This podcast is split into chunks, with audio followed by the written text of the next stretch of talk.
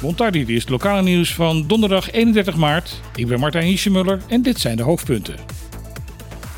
Begin dit jaar ontstond de nodige commotie omdat plotseling de tarieven voor bedrijven en stichtingen voor de jaarlijkse bijdrage van de Kamer van Koophandel in sommige gevallen met 300% verhoogd zouden gaan worden. Vorige week was via Facebook te lezen dat in elk geval de NGO-stichtingen geen extra verhoging de KVK-tarieven zouden gaan krijgen. Deze week laat het ministerie van Economische Zaken weten de zaak nog in onderzoek te hebben. Er wordt momenteel een consultatieronde onder belanghebbenden gehouden om tot een nieuw voorstel te komen voor de aanpassing van het basistarief van de jaarlijkse bijdrage. Dit voorstel is nog niet definitief en de KVK zegt het te betreuren dat de voorgestelde tarieven nu al op straat liggen.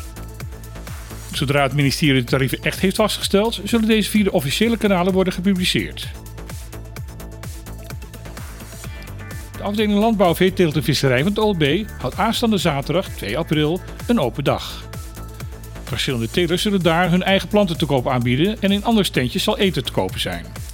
Ook zullen er verschillende gratis workshops worden gegeven over bijvoorbeeld het verzorgen van planten, het maken van compost en het starten van een eigen hydrocultuurtuin. Het bedrijf Bonaire Daily Fresh zal rondleidingen geven over hun nieuwe faciliteiten en uitleg geven over het aquaponics systeem dat zij in gebruik hebben.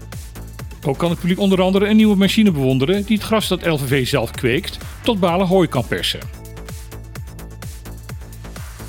De Fiscale Inlichtingen en Opsporingsdienst uit Europees Nederland, het FIOD, wil graag nauwer gaan samenwerken met het politiekorps en de Belastingdienst op de BES.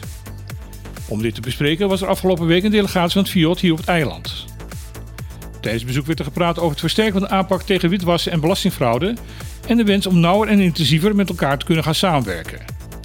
Alle partijen zijn het erover eens dat het bestrijden van dit soort malafide praktijken belangrijk is voor het behoud van een gezond ondernemingsklimaat. FIOD-directeur Obbing liet tijdens het bezoek weten dat om dat doel te kunnen bereiken het noodzakelijk is om alle krachten binnen het Koninkrijk te gaan bundelen. Ruim 12 maanden geleden werd er in de staat van Curaçao de landsverordening dierenwelzijn aangenomen. Tot op heden is echter deze verordening niet gepubliceerd en daarmee officieel ook niet van kracht geworden. De dierenbescherming van het eiland is daar erg boos over en volgens hen is er geen enkel excuus om de wet niet af te kondigen. Elke dag uitstel brengt volgens hen veel leed, pijn en in sommige gevallen zelfs dood met zich mee. Een veelgehoord argument tegen de invoering is dat er onvoldoende handhavingscapaciteit zou zijn. Volgens de voorstanders van de wet is dat pertinente onzin. Ook het probleem van de kosten van deze handhaving zou makkelijk op te lossen zijn volgens hen. Door een herinvoering van de hondenpenning zou door deze belasting de hondeneigenaren zelf de kosten van de toezicht gaan betalen. Van de huidige vaste Kamercommissie Koninkrijksrelaties van de Tweede Kamer kan gezegd worden dat zij een stuk actiever is dan de voorgaande edities. Na aanleiding van de commissievergadering afgelopen week werden er tijdens een zogenaamd 2-minuten debat in de plenaire vergadering maar liefst 11 moties met betrekking tot het Caribische deel van het Koninkrijk gediend door verschillende Kamersfracties. De moties gingen onder andere over de route die moet belopen worden om de democratie op statia te herstellen, het tekort aan sociale huurwoningen op de eilanden, hoe de extra 30 miljoen die beschikking is gesteld besteed gaat worden, de verduurzaming van energie op de eilanden, de problemen die er zijn met het sarcasmzeewier en de armoedebestrijding. Staatssecretaris Van Huffelen was niet met alle moties eens, maar de meeste konden ze mee leven. De moties worden volgende week in de Tweede Kamer in stemming gebracht.